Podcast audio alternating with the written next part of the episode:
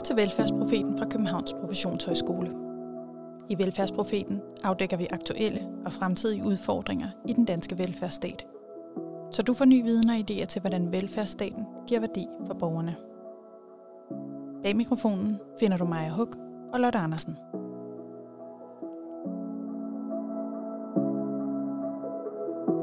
Dagens udsendelse handler om inddragelse af børn og unge i myndighedsarbejdet. Børn skal nemlig både ses og høres. Ifølge FN's børnekonvention, artikel 12, har alle børn ret til at blive hørt og inddraget i forhold, der handler om dem.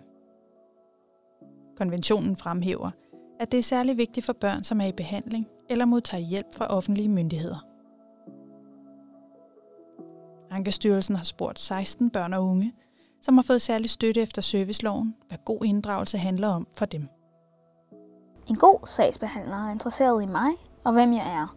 Hun spørger mig om min mening og hører, hvad jeg siger. Det er også vigtigt, at hun fortæller mig, når der skal ske noget nyt i mit liv. Hvis jeg for eksempel skal skifte skole eller flytte til en ny plejefamilie.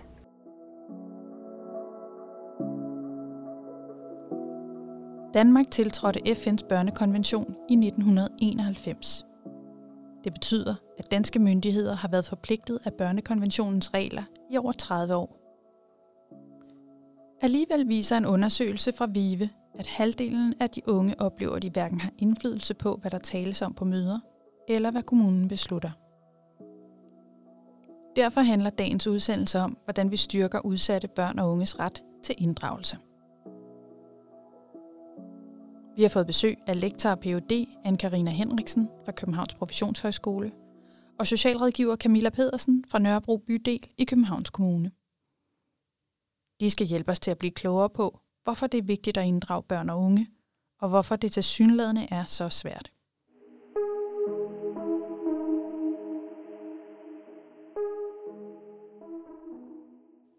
Anne-Karina har forsket i anbringelse og inddragelse i nogle af Danmarks mest udsatte børn og unge. Blandt andet de unge, som anbringes på sikrede institutioner. Og så er hun medforfatter på en ny antologi om anbragte børn og unge. Ankarina, du har jo forsket i anbringelsesforløb på sikrede institutioner, hvor du blandt andet har talt med de unge om, hvordan de har følt sig inddraget i deres egen sag. Hvordan, hvad sagde de? Hvordan øh, oplevede de, at de havde mulighed for at påvirke deres sagsforløb? De unge, som øh, er på en sikret institution, det er rigtig tit, at de giver udtryk for, at det er rigtig svært at, øh, at tale med sagsbehandler. Det er svært at, at føle, at der bliver lyttet til dem. Det er svært at få fat i sagsbehandlere. De oplever rigtig mange sagsbehandlere skift.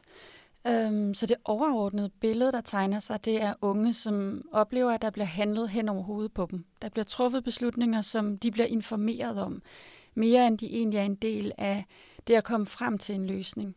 Øhm, det er det billede, der tegner sig mest tydeligt. Anne-Karinas forskningserfaringer matcher altså vidensopsamlingen fra VIVE, som dokumenterer, at børn og unge kun sjældent oplever at blive inddraget, når de har en børnesag i kommunen. Men hvorfor er det sådan? Du har jo også talt med de ansatte og nogle af sagsbehandlerne. Var det også dit indtryk, at de ikke var interesserede i de unge, eller hvordan oplevede de fra deres stol, at de øh, inddrog de unge i sagsbehandlingen? Øhm, alle de unge, der talte jeg med deres sagsbehandler også. Og det billede, der tegnede sig af sagsbehandlerne, var jo, at de var jo sindssygt øh, optaget af, øh, hvad der kunne blive gode løsninger for de her unge. Øhm, så det de, øh, de brugte sådan nogle øh, beskrivelser som, at øh, han, han melder sig jo lidt ud af samtalen. Han, øh, han er jo ikke interesseret i, og, og, hvad der skal ske. Han, han siger jo ikke så meget, eller han taler papegøjesprog. Øhm, så han siger et, når vi sidder til mødet, og så gør han noget andet, når han kommer ud. Øh, så de havde, altså der tegnede sig sådan et billede af nogle unge, som i virkeligheden øh, var rigtig svære at engagere, svære at motivere, de ville ikke rigtig noget, men at man som sagsbehandler stod nærmest øh, på hovedet for at prøve at finde nogle gode løsninger. Øhm, og sagsbehandlerne også på nogle måder kunne nå til et punkt, hvor de blev trætte. Altså hvor, hvor der gik sådan en vis form for rutine i den, eller de øh, lod sagen øh, gå over til en anden. simpelthen fordi, at det er anstrengende at blive ved med at sidde med de samme sager, hvor man prøver nye løsninger hele tiden, når man gør sit bedste, og alligevel så ender man ikke med nogle specielt velfungerende forløb, hvor de unge er i sådan en god udvikling. Og har du et svar på, hvordan det kan være, at de unge egentlig giver udtryk for, at de gerne vil inddrage sig, at de gerne vil øh, bidrage til løsningsforslag, og at sagsbehandleren på den anden side så de her lidt mere passive eller ikke engagerede unge? Jeg tror nogle gange, man mister som rådgiver, mister blikket for, at de her unge har været igennem nogle rigtig lange forløb. Øh, så selvom der sidder en rigtig dygtig øh, rådgiver, når de skal anbringes forsikret, sikret, så har de her unge rigtig tit været i nogle forløb. De har haft langvarig systemkontakt. Det kan være i unge, øh, ungdomskriminalitetsnævnet, det kan være i et børne- og ungeudvalg, det kan være i børnehuset. Det, det er mange steder, hvor de her unge har oplevet, at der er voksne, som har truffet beslutninger hen over hovedet på dem. Øhm, og jeg tænker, at den historik er rigtig vigtigt, at man har med. Så når man skal møde de her unge, og de øh, på en eller anden måde udtrykker en eller anden form for modvilje, så kan det jo lige så godt handle om, at de øh, har mistet tilliden til, at der er et system, der vil hjælpe dem, at der er nogle professionelle, som kan, kan, kan lave nogle meningsfulde øh, forløb for dem. Er det derfor, de trækker sig? Det er egentlig ikke, fordi de ikke vil forandring. Der er ikke nogen af de unge, jeg har talt med, der ikke gerne vil et andet sted hen. Men det, de var meget uenige om, det var jo sådan ligesom, hvordan skal vi komme derhen, eller øh, hvordan kan jeg hjælpe dig? Camilla er uddannet socialrådgiver og har 13 års erfaring med myndighedsarbejde med børn, unge og familier i udsatte positioner. Camilla, du øh, står jo midt i suppedasen. Kan du genkende det her med, at det kan være vanskeligt at inddrage de her større børn i deres sagsbehandling? Ja, det kan jeg godt, ud fra, at jeg kan være nummer 8 sagsbehandler, som kommer og, og ligesom siger, om hvordan har du det, og du, du, du. Så de har på den måde været, øh, netop været med et ondt ord systembørn, og de er vant til at tale med pædagoger, de er vant til at tale med psykologer og sagsbehandlere, og oplever jo, at så snart der kommer en ny, så er det forfra igen. Og den tillid, som de her unge skal have til os, for ligesom at, at, at kunne fortælle, hvad de ønsker, den er jo svær at opbygge, hvis du ser din sagsbehandler hver 6. måned. Og hun så for øvrigt er skiftet ud til næste gang, du kommer. Og, og det er jo det liv, de har haft, fra de var ganske, ganske små. Så jeg kan genkende meget af det, som man Karina siger. Og, og vanskeligheden med, hvordan får vi de her unge til at have tillid til, at vi lytter til det, de siger. På trods af, at vi også jo til tider træffer afgørelser og beslutninger, som de ikke er enige i. Der er altså en række forhold, som gør det vanskeligt at inddrage de mest udsatte unge i sagsbehandlingen. Det vender vi tilbage til senere. Men før vi fordyber os i det, der spænder ben for inddragelse, skal vi høre en Karinas bud på, hvorfor det er så vigtigt at inddrage de unge i beslutninger, som vedrører dem. Der, der er et eller andet omkring det her med at blive anerkendt som et, som et menneske også på vej ind i voksenlivet. Mange af de her unge er jo 15, 16, 17 år, og de er jo også vant til at have en vis autonomi i deres eget liv. Øh, så jeg synes også, de har en berettiget forventning om, at de bliver informeret, og de bliver, de bliver, øh, at der bliver diskuteret med dem, at, de, øh, at, at man spørger ind til deres, øh, hvad der er vigtigt for dem. Altså, der er jo også undersøgelser, der viser, at man kan udsætte børn for ret meget tvang. Og det føles ikke som et overgreb, hvis den person, der udfører tvangen, er i en relation til, den, til barnet eller den unge, som er borget af gensidig tillid og respekt. Og nu taler vi jo ikke kun om tvangsmæssige beslutninger eller handlinger, men, men det fortæller måske noget om, at, at det, som er enormt vigtigt, når vi har at gøre med den, den meget sådan, øh, tunge ende, øh, at, at man gør sig ekstra umage for at være til rådighed, for at være fleksibel, for at vise, at det her er altså... Øh, et menneske, som har brug for, at jeg er til rådighed. Der var jo også nogle unge, som netop beskrev, hvordan det lige pludselig var gået op for dem, at deres rådgiver var jo faktisk deres hjælper. Øhm, og, og som han sådan forklarede, jamen da jeg var lille, da, og der var han 12 eller 13, der, der ville jeg overhovedet ikke tale med min sagsbehandler. Men nu har jeg fundet ud af, at hvis jeg taler med hende og fortæller hende, hvad jeg gerne vil, så kan hun jo rent faktisk hjælpe mig til at opnå det, jeg gerne vil. Og det var jo en, en vild erkendelse for sådan en dreng, der har været igennem systemet, siden han var helt lille. Og kan du huske, hvad det var, der førte til de vendepunkter? Hvordan opdagede de unge, hov, det er faktisk min hjælper? Altså det, det tænker jeg er sådan, altså måske noget, vi mere kan udlede af flere interview. Men der var måske en, der havde gjort sig ekstra umage med at forklare, hvem er det egentlig, der træffer den type beslutninger? Øh, hvad har du ret til, når vi træffer den her type af afgørelse? Og, og havde forklaret det på en måde, så han faktisk øh, kunne tage imod det. Selvom Lotte var lettet over at høre eksempler på unge, som oplevede sig inddraget, kunne hun ikke helt slippe en Karinas udtalelse om, at tillid kan skabe rum for magt. Hvordan hænger det sammen med inddragelse? Det her med tvang og tillid, det er jo sådan et, øh, eller hvis man i hvert fald måske oversætter tvang også lidt med magtudøvelse, er jo sådan et kardinalpunkt i socialt arbejde. Har I nogen bud på, hvordan man på den ene side kan arbejde med sin myndighedsmagt eller ligefrem tvang, og samtidig have en tillidsfuld relation? Fordi det kan umiddelbart virke som modsætninger, tænker jeg. Men, men jeg tror, det er vigtigt at tænke i, at det ikke det at blive inddraget handler ikke nødvendigvis om, at, at, at der bliver øh, fuldt øh, de forslag, man kommer med. Det, det handler lige så meget om følelsen af, at der er nogen, der lytter, der er nogen, der er interesseret, der er nogen, der, der følger dem. Øhm, og måske især, når man gør noget, der er så indgribende, som at komme på en sikret institution, så er det, der er rigtig vigtigt, det er jo, at man har en følelse af, at dem, som gør det, de gør det øh, med ens øh, absolut bedste øh, i tankerne. Altså, der er sådan et eksempel på en dreng, der bliver anbragt, hvor han faktisk bliver øh, luret, så at sige, ind på øh, forvaltningen uden øh, på et falsk grundlag. Så sagsbehandler ved, at han skal på sikret institution, men han tør ikke at sige det til ham, til drengen, fordi han er bange for, at han stikker af. Så han øh, får ham op på, på forvaltningen, og så er det først der, hvor de faktisk står far og klar med øh, politiet og, og skal køre ham afsted.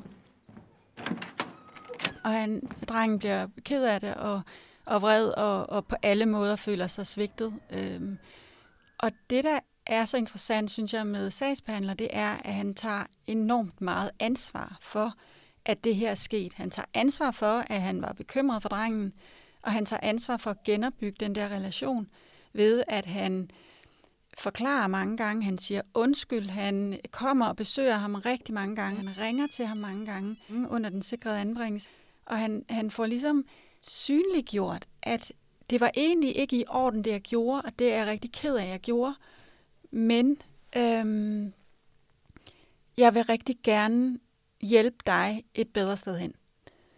Og det synes jeg var sådan et fint eksempel på, at man faktisk kan både være myndigheder, man kan træffe tvangsmæssige øh, beslutninger, samtidig med, at man kan bygge en relation op og være øh, en, en hjælp igennem lang tid for den her unge. Men det kræver jo noget. Det, var jo, det krævede jo rigtig meget af den her sagsbehandler. Det kræver meget af sagsbehandleren at skabe tillid og inddrage børn og unge i deres egen sag, fortæller en Karina. Vi bad vores gæster fortælle lidt mere om, hvordan man som sagsbehandler kan øge børn og unges deltagelsesmuligheder. Anne-Karina, du, øh, du beskriver det her øh, skisma, hvor på den ene side så giver øh, de unge udtryk for, at de egentlig gerne vil inddrages, men sagsbehandlerne synes egentlig, de er på hårdt arbejde i et forsøg på at engagere de unge i deres egen sag. Hvordan kan man som sagsbehandler få øje for, at der er en ung, der faktisk gerne vil inddrages, men som måske har trukket sig på en af de måder, du har beskrevet? Altså det øh, kunne jo være en nysgerrighed på, om der er noget andet, den unge kunne samarbejde om. Altså rigtig tit, så, så, øh, øh, så hører jeg i hvert fald, de unge øh, synes, at sagsbehandler er meget optaget af øh, skole og misbrug. Øh, så det er ligesom der, man starter. Og så kan det jo hurtigt blive til, at hvis den unge ikke er enig i det, det der er det primære problem, så trækker de sig, fordi så får de egentlig ikke hjælp til det, som de oplever som det primære. Og det kan være øh, vold i hjemmet, eller det kan være vold på skolen, eller det kan være en, en, en super dårlig fungerende anbringelse. Så det der med at være nysgerrig på, hvad kan den unge blive interesseret, altså hvad kunne den unge samarbejde om? Jeg tænker, det er jo ikke nyt for dig, at jeg siger det, men, men alligevel sådan det der med, kan man gå med den unge, kan man parkere det der misbrug i en periode, og håbe på, at hvis der er nogle andre ting, der kommer til at fungere bedre. Øhm, det, der jo sker, når man, når man trækker sig, det er jo ikke, at de unge bare sætter sig øh, hjemme i sofaen og gør ingenting. De søger jo deres egne løsninger. Og deres egne løsninger er rigtig tit, at de søger ud i nogle ungefællesskaber, som nogle af dem færdes meget på gaden, nogle af dem begynder at sove rundt omkring. Øh, og i virkeligheden, øh, de holder op med at gå i skole, øh, de holder op med at tage deres medicin. Altså, så det er jo deres egne løsninger på en udsat position, fordi de oplever, at systemet ikke vil hjælpe dem. Men det bekræfter jo sådan set bare sagsbehandlers oplevelse af, at de ikke har lyst til noget, og de ikke kan samarbejde om noget. Så på den måde, den der med hele tiden at, at blive ved med at tage, tage ansvar, det, det er myndighedssagsbehandler, der har ansvaret for, hvad, øh, hvordan kan man skabe en positiv udvikling, hvordan kan man blive ved med at være nysgerrig på, øh, hvad den her unge kan samarbejde om, og, og, og undgå de der fastlåste, øh, hvor man tildeler den der rolle med, han er jo sådan en, der, der ikke, han vil jo ikke rigtig noget. Det er jo ligegyldigt, hvad jeg sætter i værk. Øh, vi har lidt givet op eller sådan noget. Altså, det, er jo, det er jo virkelig den, der er så utrolig farlig at falde i. Og så tænker jeg også rent, rent praktisk, så er indgangen til, til, til en ung, du ikke har mødt før, måske ikke at starte med et møde, men sende en sms. Nogle af de her unge skal lige se dig an. Det kan man selvfølgelig ikke via en sms, men det er en mindre konfrontorisk øh, indgang. Jeg hedder det og det, og jeg vil gerne komme ud og besøge og kan det passe, kan det passe dig, jeg kommer på torsdag kl. 15? Eller i, i modsætning til at sende et brev, så jeg kommer øh, torsdag kl. 15, eller, eller der er en pædagog, der kommer og siger, din sagsbehandler kommer på torsdag kl. 15, der er du hjemme. Altså, det er dig, jeg kommer for at snakke med. Jeg kommer ud til dig. Passer det dig? Og det, det er jo faktisk noget af det her inddragelsesforskning, øh, som der er lavet. Øh, og der er også sådan, sådan nogle parametre for, øh, hvordan kan vi overhovedet se på inddragelse som mere end bare, jeg har lyttet til, hvad du sagde. Det handler faktisk rigtig meget om det her med at at blive enige om, hvad det er for et rum, man så overhovedet skal tale sammen i. Og det, er jo ikke, det, er jo, det, er jo, det, det kan være på en bænk i en park, det kan være, at man går en tur, det kan være, at man øh, kører øh, den unge et sted hen. Øh, man, kan, man kan blive enige, og det handler også om at sige, men hvad, hvem skal med til det møde? Hvornår skal det møde foregå? Hvor skal det foregå? Hvad skal vi snakke om? Øhm, så det der med at prøve at åbne op for, hvem bestemmer, det der space, øh, som mødet foregår i. Inddragelse handler rigtig meget om at have indflydelse på, hvordan øh, de der øh, samtaler overhovedet skal foregå. Da denne udsendelse handler om inddragelse af børn og unge i myndighedsarbejdet, skal vi også høre, hvad børn og unge tænker om god inddragelse. Det har Ankestyrelsen nemlig undersøgt. Fra et børneperspektiv handler god inddragelse om at blive spurgt, at blive hørt, at blive set, at blive orienteret. Men det allervigtigste for børnene handlede om en oplevelse af, at sagsbehandleren var oprigtigt interesseret i dem og i deres liv. Sagsbehandleren kan altså gøre meget, men der er også forhold, der spænder ben for inddragelse, som ligger uden for sagsbehandlerens handlerum. Der er der måske også nogle altså strukturelle udfordringer, fordi at det jo i høj grad øh, er der mange myndighedssagsbehandlere, som får den rolle, at de ikke ser de unge specielt meget, Øhm, og lige snart de er anbragt, så er det jo nogle andre, der ligesom skal, skal varetage den rolle i forhold til de unge. Og det er jo også det, jeg hører de unge sige, når de først er anbragt på sikret institution.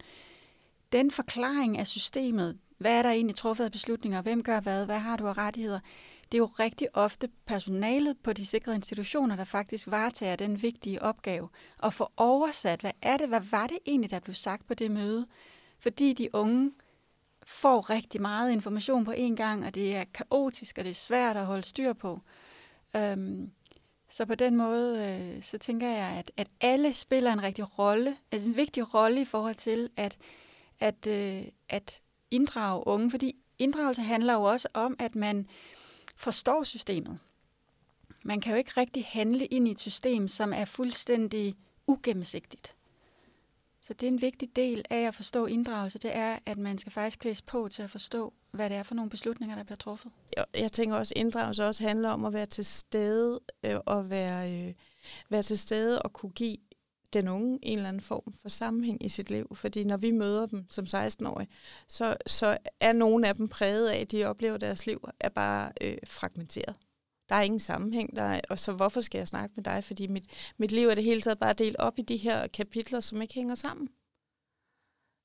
Og, og at, at sådan en ting som at, at læse den unge sag, og forstå, øh, ikke forstå, men i hvert fald have en idé om, hvor det her øh, menneske kommer fra, og hvad det har oplevet.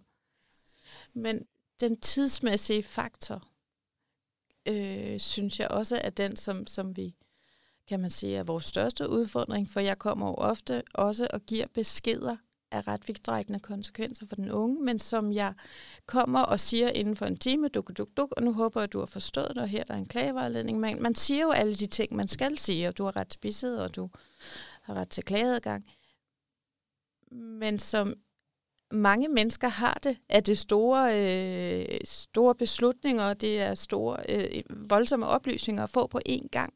Jeg vil gerne, hvis vi kunne komme ugen efter og gentage det, vi havde sagt, eller give den unge en mulighed for at tænke lige over, hvad det var, jeg sagde. Og så kommer jeg i næste, altså fordi det er meget, også for et unge mennesker skulle tage ind. Der er altså en række forhold, der udfordrer barnets ret til inddragelse. Derfor er det også lovbestemt, at barnet til enhver tid i sin sagsbehandling har ret til at lade sig bistå af andre. Det foregår med en bisider, som kan hjælpe til at sikre, at barnets eller den unges meninger og interesser bliver inddraget under sagsbehandlingen. Vi spurgte vores gæster om deres erfaringer med at bruge bisidere i sagsbehandlingen. Jamen, øh, det, det er jo det her med, at man som bisider er at den, der kan støtte barnet i og, øh, og få, øh, få en stærk stemme i sin egen sag. Det vi lidt skældner imellem i vores øh, grundbog om anbringelser, det er, øh, at vi på den ene side har sådan det, vi kalder omsorgsbisidning, som typisk vil være sådan en person, som man er tryg ved, og som man måske kender. Øh, det kan være en i ens familie, eller det kan være i virkeligheden alle over 15 år, som man, som man har lyst til at have med som sådan en tillids øh, tryghedsperson. Og så på den anden side professionel bisidder, som typisk vil være en socialrådgiver, som øh, lærer barnet at kende over tid. Typisk har man den samme øh, bisidder, øh, det kan være gennem børns vilkår eller Joanna-huset, øh, som man selv vælger, og som følger en igennem en længere periode, og som også lærer barnet at kende, og kan være oversætter, både imellem barnets livsverden og den øh, myndighedsverden, som barnet jo alt andet lige er blevet vældig afhængig af. Det at, at være professionel bisidder er jo, er jo mest af alt et spørgsmål om, og måske netop de her unge, som vi snakker om, altså som har oplevet et system, der ikke lytter på dem, men hvordan kan man egentlig klæde dem på til at blive lyttet på? Hvordan kan man overbevise dem om, at der er faktisk nogen, der, øh, der er interesseret i, hvad der er vigtigt for dig? Øh, så når vi taler med din sagsbehandler, så handler det om, at du må forklare det sådan og sådan, og du skal måske give de her de eksempler også, når man er med til et, et møde, at man så støtter barnet i at få de her fortællinger frem. Øh, og også nogle gange måske få opklaret nogle uoverensstemmelser. Altså, det kan godt være, at det, som, som barnet oplever ved et møde, er noget andet end det, der har været intentionen. Det kan også være, at øh, at barnet oplever nogle ting, som, som hun har haft svært ved at forklare til sagsbehandler. Og der bliver øh, den der bisidderrolle rigtig vigtig i forhold til at få øh, skabt sådan et fælles fundament, som man kan handle på. Camilla, har du prøvet det her med at have professionelle bisidder med til i dine børnesager? Jeg har fortrinsvis haft tryghedspersoner øh, i de børn, altså fordi jeg fortrinsvis har haft de de lidt mindre børn. Øh, og tryghedspersoner er jo en, en fantastisk øh, hjælp, både for mig, men specielt for børnene. Og jeg har også haft de professionelle med, jeg vil sige, i forhold til de unge, er det en, en, en hjælp i forhold til netop, at de skal ikke kun navigere i mit system. De skal også navigere måske i en kommende voksenenhed. De skal navigere bare i Københavns Kommune er der skoleforvaltning, og der er socialforvaltning. Der er en professionel bisidder helt sikkert en, en fantastisk øh, støtte for den. Så tænker jeg også, det, det er vigtigt, det der med, at en bisidder, i hvert fald en professionel bisidder, altså en stor del af det arbejde, de laver med den unge, foregår jo ikke ved et møde. Det foregår jo forud og efterfølgende, og, og det er jo netop der, hvor de får snakket med den unge, uden at der er sådan en eller anden nogle gange bliver det også forstyrrende, når den person, man så snakker med, er den, der skal træffe nogle afgørelser. Så det her med, at man, man taler i et meget mere neutralt rum, man, man spørger ind til mange flere dimensioner af den unges øh, udfordringer og, og ønsker, og, og det er jo virkelig det arbejde, som også handler om at i talesætte, og det kan man, så kan man måske netop have en rolle ved mødet, hvor man minder om, vi snakkede jo i øvrigt om det og det, var det måske noget, du ville bringe til bordet? Øhm, og, og så hjælper man, så, så støtter man barnet i at få en stemme, fordi man har et kendskab til barnet, som for nogens vedkommende vil være større end sagsbehandler. Så det er jo ikke bare det enkelte møde, den enkelte afgørelse, som en bisidder har en rolle i forhold til. Det er jo en generel dannelse ind i at kunne, øh, kunne have en stemme, når man måske i virkeligheden har fået overbevist sig selv om, at det ikke nytter noget at tale øh, og sige noget højt. I nævnte det her med, at bisidderordningen, der kan ligesom være to former for bisidder. Altså der er de professionelle, som øh, måske har en faglig uddannelse, der, øh, der matcher ind i at forstå systemet, og de får supervision, og så er der de her omsorgsbisidder, og det kan rumme to meget forskellige funktioner for barnet eller den unge. I loven der står der jo, at man har ret til at have en bisidder med, men Camilla, hvad er din erfaring? Kan man godt have to med, hvis man både gerne vil have en professionel med til at hjælpe en til at forstå sagsforløbet, og så måske en god veninde eller store søster, eller hvem det nu kunne være med? Der kan godt være en professionel bisidder og en tryghedsperson, øh, privat bisidder, som, som bare er der, fordi nogen skal jo være der for dig også om 10 år. Det er også ud fra den netværkstankegang, vi har, at, at både jeg og nok også den professionelle bisidder er der ikke om fem år, men det er storesøster, det er den veninde, der ved, gud, hvad var det egentlig, der skete på det møde op ved kommunen, at du har de her livsvidner med dig, netop igen i et liv, der kan være utroligt fragmenteret og, og, og, og splittet op. Tusind tak, fordi I delte jeres erfaringer. Dig, Ankarina, fra et forsker- og underviserperspektiv, og dig, Camilla, fra et praktikerperspektiv. Det var super spændende at høre de to perspektiver vil jo så ind i hinanden i en forståelse af, hvordan arbejder man med inddragelse med de her allermest udsatte unge. Velkommen. Maja, du har jo også øh, været optaget af det her med, hvordan man kan i samtaler med børn og unge bidrage til udviklingsstøtte. Hvad, hvad blev du særligt optaget af i forhold til det, vi talte om i dag? Jamen, jeg synes jo, det er jo en, en dejlig udvikling, vi sådan set ser fra at, øh, at se inddragelse som langt hen ad vejen et middel til noget, vi har brug for som professionelle, øh, til i højere grad at se det øh, som noget i sig selv, og som kan noget i sig selv. Altså, hvordan er det, man kan sørge for, at det også bliver en udviklingsstøttende situation, at vi har de her samtaler øh, med børnene. Og det synes jeg, det, det var rigtig positivt at høre øh, om den udvikling, der er. Det er jo selvfølgelig øh, træls at høre, at der stadigvæk er mange, der ikke oplever sig lyttet til. Så vi må erkende, at vi som profession stadig har brug for at arbejde med vores faglighed på det her område. Du har jo skrevet en bog sammen med to øh, kollegaer, øh, Birte Elmholm og Lisbeth Rask, som handler om det her med de udviklingsstøttende samtaler. Hvad er det, I vil lægge særlig vægt på, for at inddragelse ikke kun handler om, at man får øh, mulighed for at påvirke den aktuelle situation, men at det også får sådan mere udviklingsstøttende perspektiv? Jamen det er jo det her med at sørge for, at enhver samtale, der finder sted med barnet, ikke øh, udelukkende tjener, hvad jeg har brug for, at jeg kan sætte hak ved noget, eller jeg har fået noget information, men at det er noget, der tilbyder barnet nye handlemuligheder, nye perspektiver, øh, at barnet ligesom også får noget ud af den øh, samtalesituation.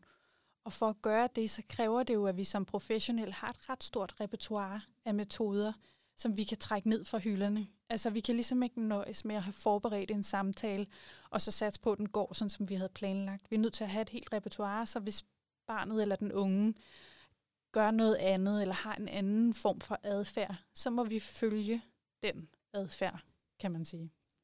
Så lidt det, som Ankarina også talte om måske, altså det her med, at noget, der kan udadtil virke som modstand eller øns- altså manglende ønsker om inddragelse, det kan måske handle om, at, at barnet eller den unge har en anden agenda, som vi har vanskeligt ved at få øje på.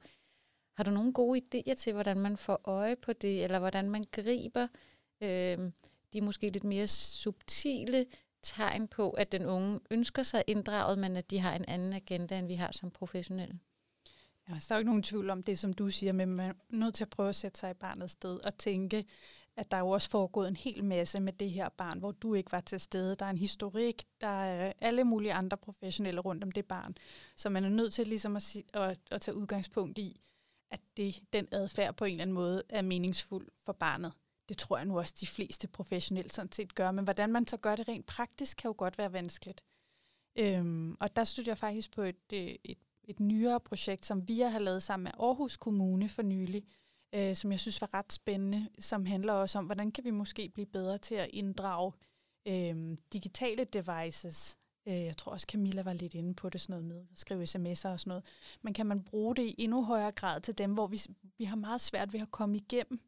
Øh, der kom projektet med nogle ret fine, synes jeg, eksempler på børn og unge, som ikke har været til at få i tale af forskellige årsager, manglende tillid, manglende sprog, manglende alt muligt og hvor de ved hjælp af Snapchat eller små film eller øh, TikTok øh, kunne komme ind en anden vej rundt. Så der synes jeg faktisk, der er noget god inspiration at hente, at vi er nødt til ligesom også at prøve at kigge på, kan vi møde barnet der, hvor barnet er, i stedet for, at det altid skal være ved et skrive eller ved et bord og med lys og et glas saftevand. Det er ikke sikkert, det er det, barnet faktisk kan indgå i.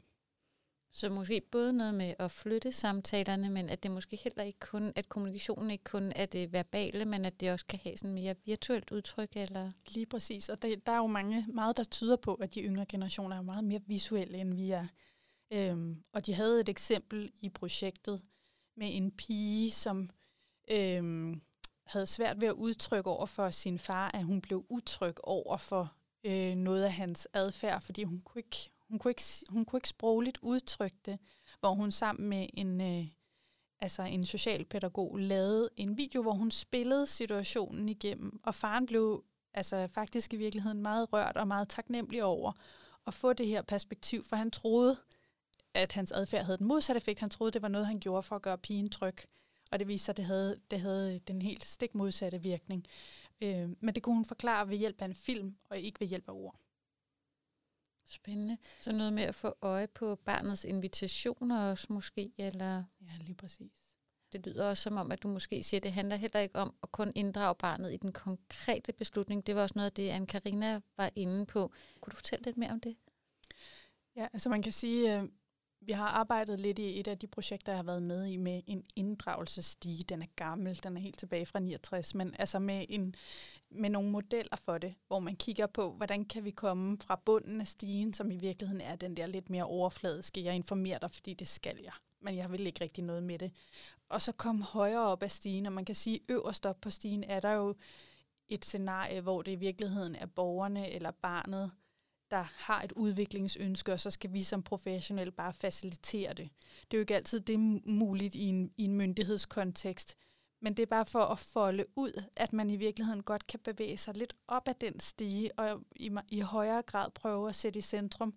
Og det tror jeg også, at altså, Anne-Karina var inde på det her med, hvad er det egentlig barnet ønsker sig af en udvikling, eller hvad er det, de gerne vil have ud af den her. Og så kan det godt være, at det ikke er det, som du er mest optaget af. Du er mest optaget af fravær af skolen, eller misbrug, eller noget andet.